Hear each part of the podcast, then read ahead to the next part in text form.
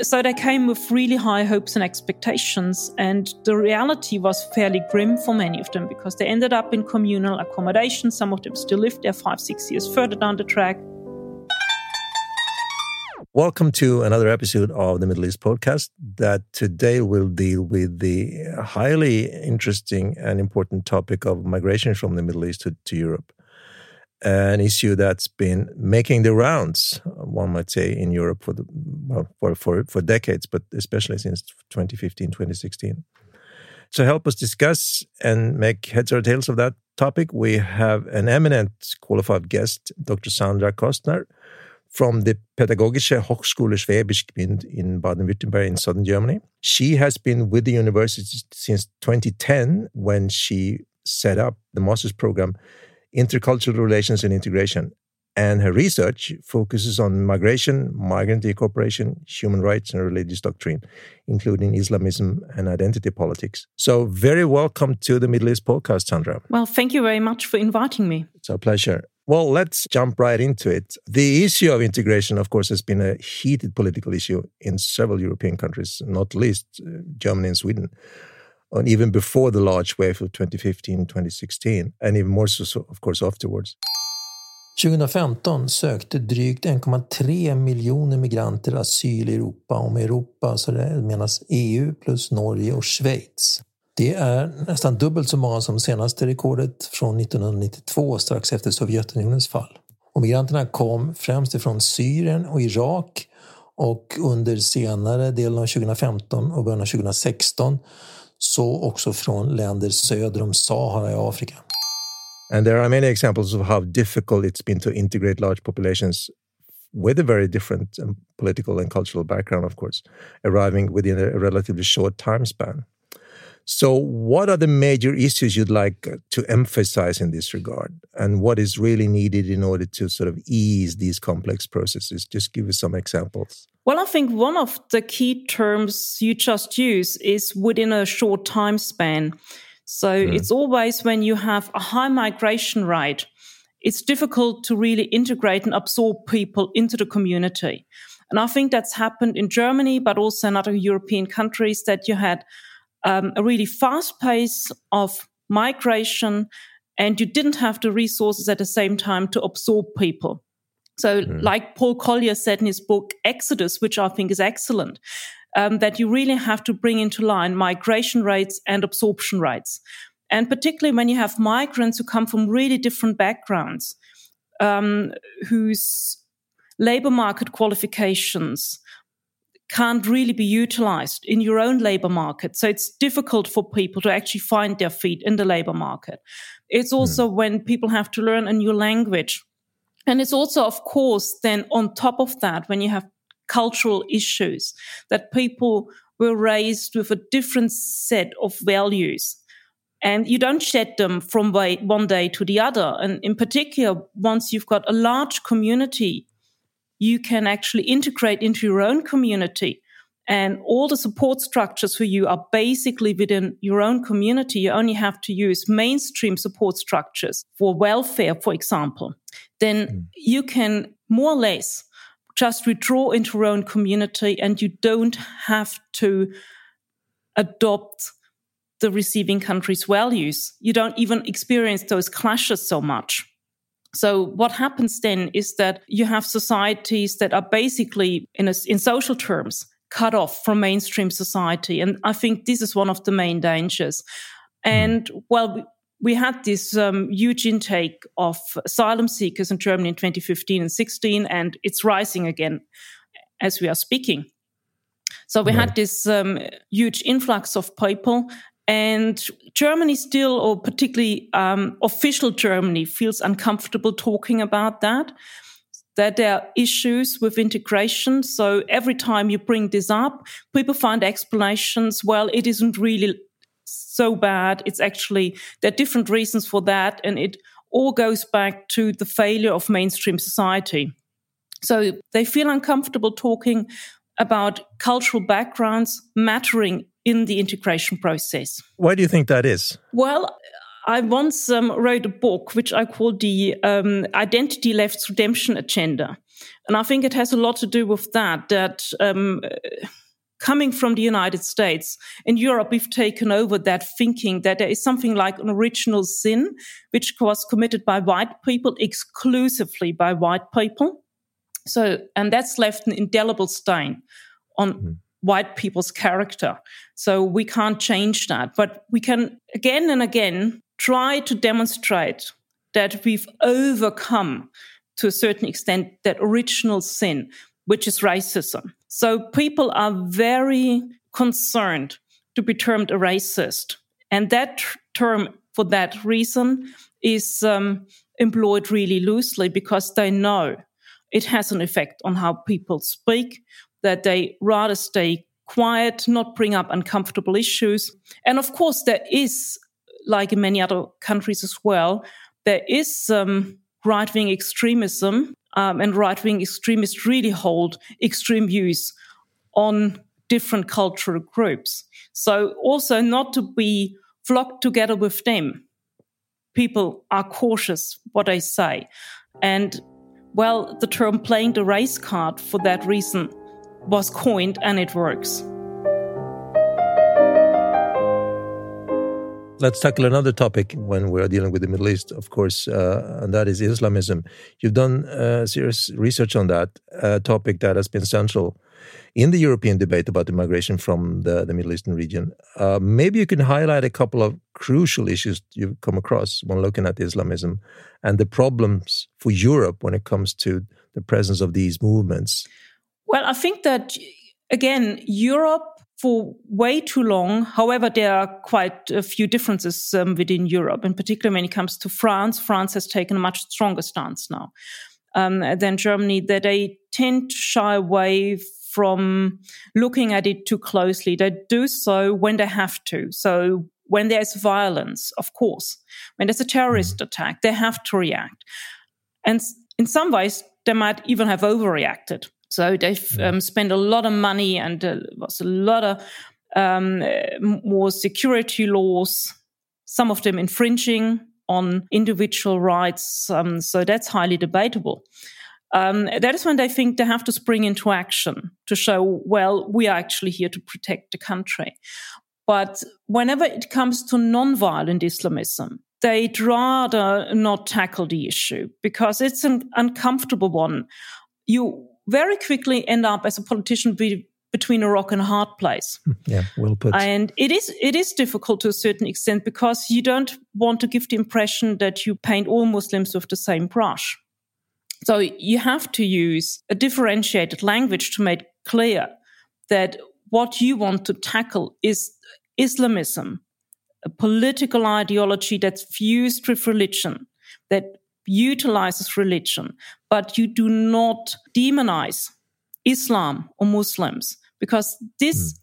perception very quickly arises, and I think within the Muslim community that feels beleaguered to an extent, and also not without reason. Also, you have the, as I call them, the redemption racists. Redemption betyder att få upprättelse.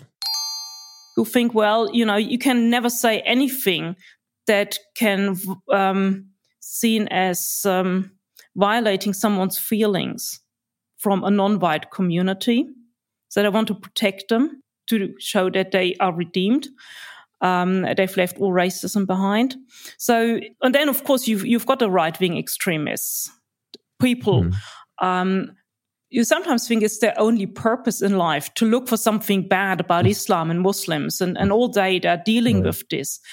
Um, and they're just sort of waiting that Muslims, one Muslim does something bad, and they can actually blame the entire Muslim community for that.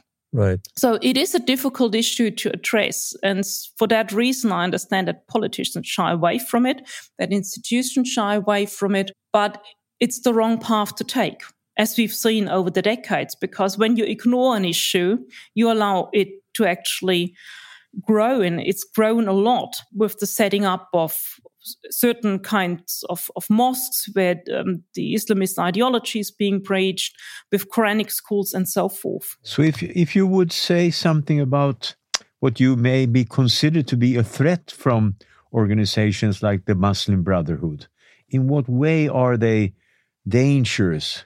Well, I mean, their agenda is to um, establish a state, a theocracy, basically, um, based on their interpretation of Islam, which is a very rigid one. But they do it cleverly. They use the language of human rights and pointing to um, the human right of religious freedom, for example. Um, they use the language of enlightenment, um, which makes it also very difficult because you don't have such clear proof as you've got with terrorists, obviously. I mean, the proof is there right in your face. In this case, it's much more difficult. Um, you have to take a closer look and differentiate between what they are saying and what they are doing. One particularly difficult point of contention with the immigrants is, of course, the polarized view about them. People are throwing out uh, statements like let them in, or throw them out, or force them to assimilate, or stop all immigration, or help them to become citizens, stuff like that. You know, uh, uh very sort of um, rhetorical issues thrown out. And so I wonder if you could elaborate on the dangers that this hate and polarization will bring to our political system. Uh, for instance, in the city of Gothenburg, just uh, last week, there was certain areas that were controlled now and then by criminal gangs, and very often, very often dominated by immigrants. A situation that very much strengthens the ongoing polarization, of course. This is a $10 million question. How do you think that this kind of dangerous development can be stopped? Just, just give us some ideas. So, because this is a, this is a very, very, very sensitive and touchy topic here in Sweden as well. Uh, I would like to be such a rich woman, so I, I try to be my do my best, but I'm Great. not sure whether we'll, I'll manage we'll to get the 10 million. um, I, I, think it, it is one of the hardest issues because societies have become much more polarized in general. There are various reasons for that. Um, definitely, social media plays a role in that as well because people just withdraw into into their own little bubbles and don't communicate so much with each other. And but generally, I think we have not been particularly good in Germany anyway. And I've experienced that when I started teaching in Australia, that my undergraduate students, when they were 17 or 18 years old, they were so much better at debating issues than my students in their mid 20s are. In Germany, I've only got master mm-hmm. students. And I've noticed this straight away when I came back to Australia. There was a huge difference. And I think so. We've never really taught students that much. Germany is also much more well. We on on the one hand, people uh, don't have a problem labeling each other, but then on the other hand, they don't want to really argue with each other and debate with each other because it might be uncomfortable because it might have something to do you have never really practiced that so much so you lack the hmm. experience. And also i think you might be afraid of losing a debate. When you just label someone you know you can't really lose that game so easily but you can when it's about debating and you really have to put forward arguments. So I think we've never mm-hmm. been particularly good at that. So that is the setting. And then there have been quite a lot of polarizing issues, in particular over the last 10 years. I think after 1990, we've had a fairly ideology free, as much as that's possible, ideology free society for about 15 years. So you had those big ideologies, communism and capitalism, or the West and, and, and the East. And that broke down in, in, the, in the 90s. And I think it was a fairly relaxed time.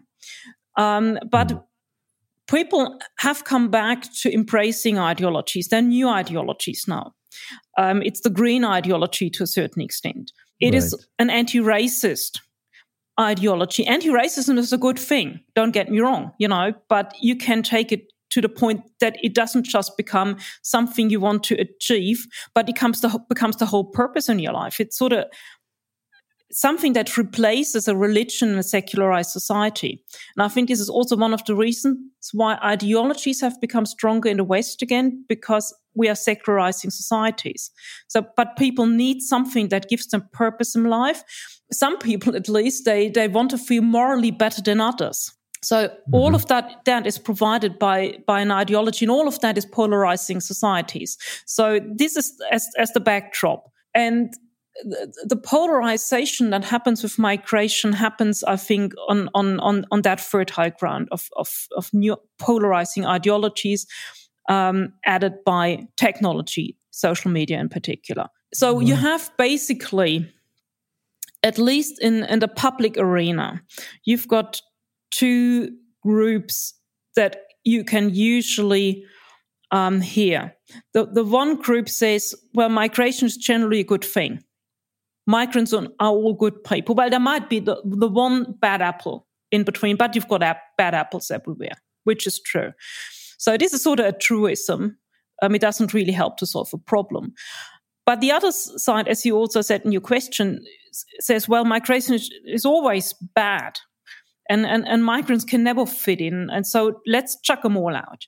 And everything that goes wrong in society, it just goes back to migrants. So you have um, the one group that says, well, they're all racist.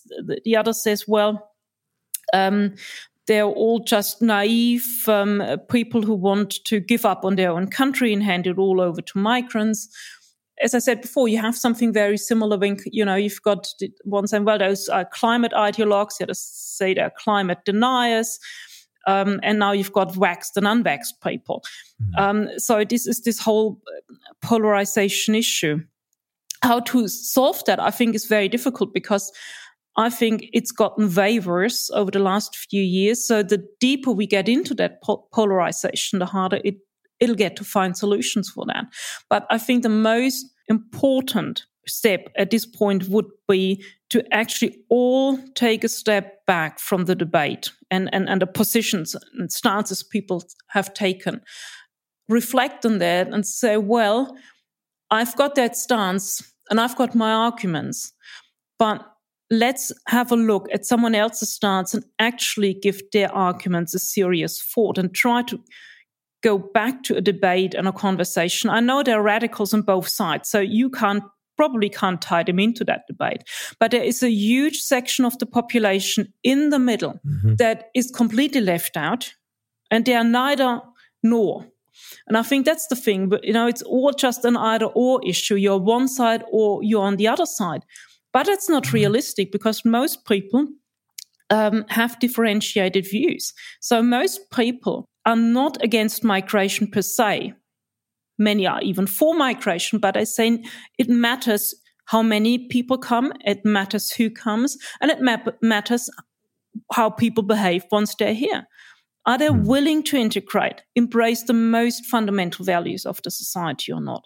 This is what it comes down to. And we have to start right in schools to do this. In particular, the media's got to do is for them, of course, framing a debate in an either or way is clickbait. They mm-hmm. use it, but they, they really fundamentally damage um, the, the um, social fabric and right. we, have got to stop that. Um, I know I'm very far away from 10 million. So if I'm lucky, I might have made it up to 100,000. I think we can manage that. But what, what, what, what you're really saying is really to get the, um, to get the grown-ups back into the room. Yes, you, you put it in a nutshell.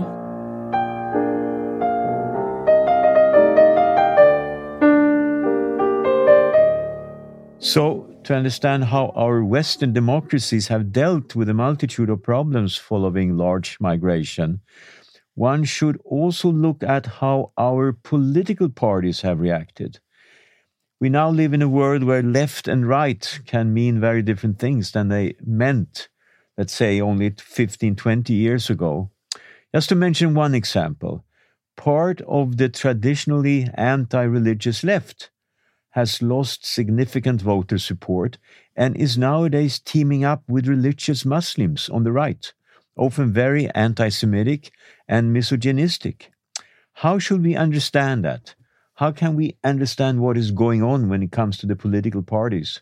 Yeah, that is a very interesting question. And it's still puzzling me because um, for most of my life, now I would just say I'm, I'm a liberal. I would have clearly seen myself in, in, in the left wing camp as, as a mm-hmm. left um, wing liberal, but definitely left. And I've um, experienced, like so many others I've talked with over the years, that um, sort of step by step, I felt myself being alienated from the left. And I think it's not that I've changed my positions, but they've changed their positions. One of them, there are many others, but one of them is um, just no longer embracing criticism of religions. Religion is almost sacrosanct, as long as it isn't Christianity, obviously. Christianity, everyone can criticize, that's fine. but non Christian religions, they're, they're off limits. Um, and, and Islam more so than any others. Um, and also, as you said, I mean, they're teaming up with really radical Islamist thinkers is rather bewildering because you think they it is so obvious. Once you see it is it is always obvious. I know. It is so obvious that they do not share the same values. And it is also very obvious that you support a ideology that um, is not in line with many other values you still hold up. Mm. And nonetheless, they do it. I mean, it might be to a certain extent. It doesn't apply in Germany to that degree. Uh, but I've done um, research on Britain, and the Labour Party has always tried to peddle for the Muslim vote. Um, and I think that comes into it to, to, a certain extent as well. So they always look to, you know, what can be gained politically. But the interesting part is that all of those left wing parties, particularly the um, uh, social democrats or labor parties, not so much when they're further to the left or the green parties, they're also on the left, but they have a different attitude to begin with. But the, um, the, the um, social democrats, the labor parties, they have lost so many voters in the process that you think it should worry them actually. But somehow it doesn't somehow they, they think, well, they're former voters, they're sort of like moral baggage you can just shed and throw overboard. It's more important to be morally on the r- right side. Anyway, what you think is the is the right side. In in no way can you be seen as doing anything that is racist or Islamophobe or anti-Muslim racism. They've got all these these terms to easily label people. Yeah, if I can I just have a, a quick follow up on that one, uh, uh, because uh, when when you mentioned the terminology here, that's that's interesting. It's like a it's like you're reading something from George Orwell, I think, because you are changing definitions here as you go. And and for instance, the fact that you are questioning the foundations, for instance, of the Enlightenment, the very reason we got where we are today is kind of mind boggling or bewildering, as you said. It is, yeah. So, and, and, and you know, I, I, would like to hear your comment on that uh, the fact that you are actually questioning uh, the foundations for a liberal democracy here. A liberal in the, in the in the wider meaning of the word. Yeah. You know, isn't that a, a real threat? It is a threat because that way, um, the the very foundations our societies rest on are undermined because there are not enough political parties around anymore who support them. Um, right. And in Germany, for example, um, the Alternative für Deutschland, yeah, Alternative right, for yes. Germany, the right wing party. We, we have a really interesting situation. We've had that for a while, but it's been uh, very obvious over the last few months. Um, now, everyone from the get go, basically, who has criticized how the government has handled Corona the measures they've employed, has been labeled a lateral thinker. So it is a negative term now to be a lateral thinker, Querdenker. Mm-hmm. Or you are uh, a conspiracy theorist. And all of them together, they're all right wingers. Um, so the, the party in parliament that's been most critical of um, all the um, ways human rights have been infringed by these corona measures is the AfD. And because that is the party that actually says, well, you know, in the first 19 articles of the German constitution, human rights are enshrined, they're inalienable rights. So they sometimes take these issues to court then. But, uh, but it is a right wing party who now is actually the one that uses human rights and the foundations of liberalism to put a counter argument against these corona measures all of a sudden, human rights or the German constitution becomes a right wing issue. Mm. Nick Haslam, An Australian psychologist called that the concept creep. Concept creep är en akademisk term som myntades redan 2016.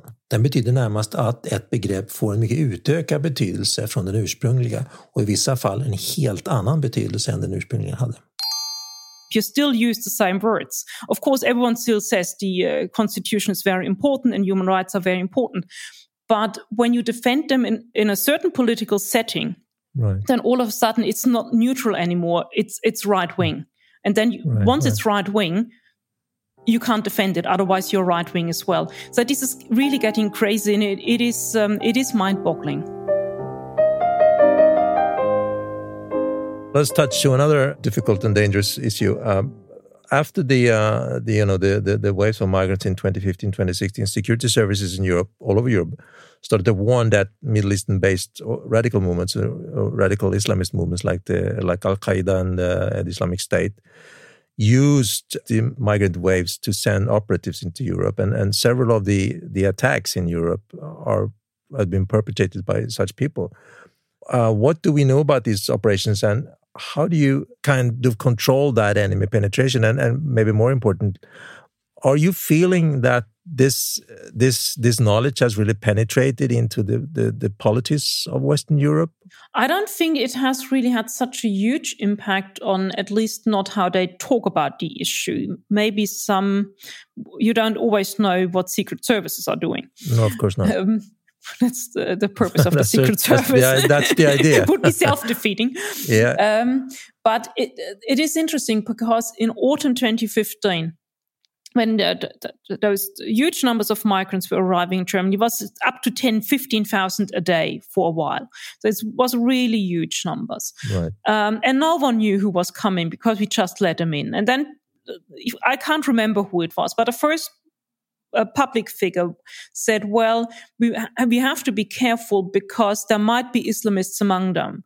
ISIS might use it actually to send operatives mm. to Europe. And then there was this big outcry. This is impossible, would never happen. These are all just poor refugees. And why should ISIS do that? It is much too dangerous route for them to send operatives. And I thought, no, it is actually a very clever route because no one yeah. is being checked. So I actually while giving a talk supported that argument. I was shouted down for it.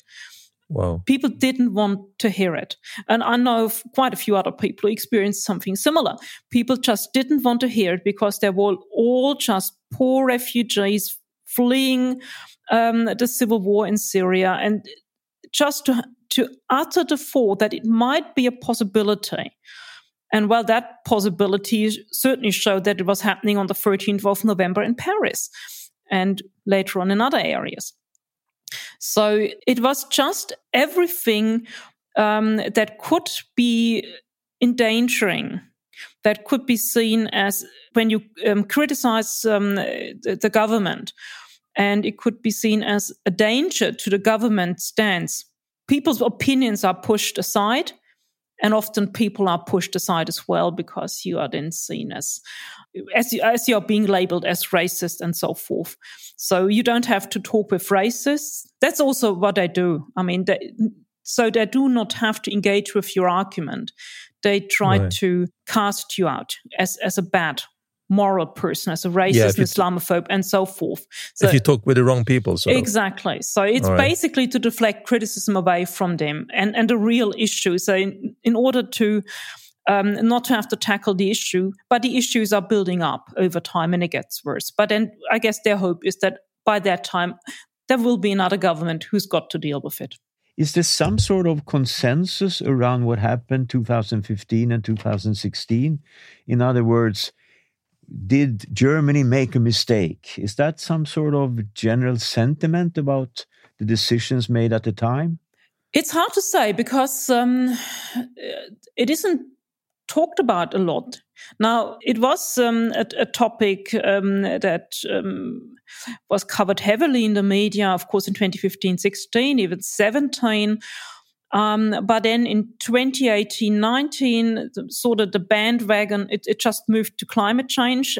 All the media was full of the climate change topic. And of course, in 2020, basically ever since, it's been Corona all over the place. Mm-hmm. So um, it hasn't um, it hasn't had much of a space and and, and a publicized um, area, and I think for that reason also not on the public mind. Um, I think that most Germans still think that 2015 16 we've taken in too many people without checking them but um, they don't pay too much attention because it doesn't really impact on their everyday lives so much. Right. It's more people um, who live in areas where a lot of migrants were settled or settled because of um, cheaper rents than themselves. Um, they have an idea what is working and what isn't working. And I mean, this, it's always um, two sides. Some some of the migrants have integrated really, really well, are really successful, and they're a real asset to society. Um, then, of course, there's a group that hasn't integrated at all. It doesn't even want to, hasn't haven't made much of an effort to, uh, to learn the language. They just want to live their lives in their own little bubbles, um, supported by the welfare system. So, would you say that's a minority? the group you're talking about right now? Yeah, I think this this um, is not is it is not the majority. As these groups, the really successful ones and the ones that um, don't really well, they want to ensure the benefits of Germany without really living in German society. This is also a smaller group. So the largest group, it's at least 80%, maybe even more, um, is sort of in between. And I think a lot of mm. people have really tried um, to find their feet in Germany, but there were a lot of disappointments also because people came with unrealistic expectations. Right. You know, and it's sometimes there was also the people smugglers who actually told them, well, once you get to Germany, everyone is provided with a house, everyone is given a job and all of that. Obviously, that wasn't true. And that is something the German government never promised. Um, so they came with really high hopes and expectations. And the reality was fairly grim for many of them because they ended up in communal accommodation. Some of them still lived there five, six years further down the track. They found that learning another language, even with um, support classes, is not so easy. They had to realize that Germany is a country um, that highly values paper qualifications. So once you haven't got the mm-hmm. right paper qualifications, it's really hard to find appropriate employment. So you, you know what what's happened to them is the carrot's always been dangled right in front of them. But they've heard this too often. They said, "Well, you've really made great progress with your language and also, you know, with with your qualifications, but it's not quite good enough yet. A little bit more, a little bit more." Right.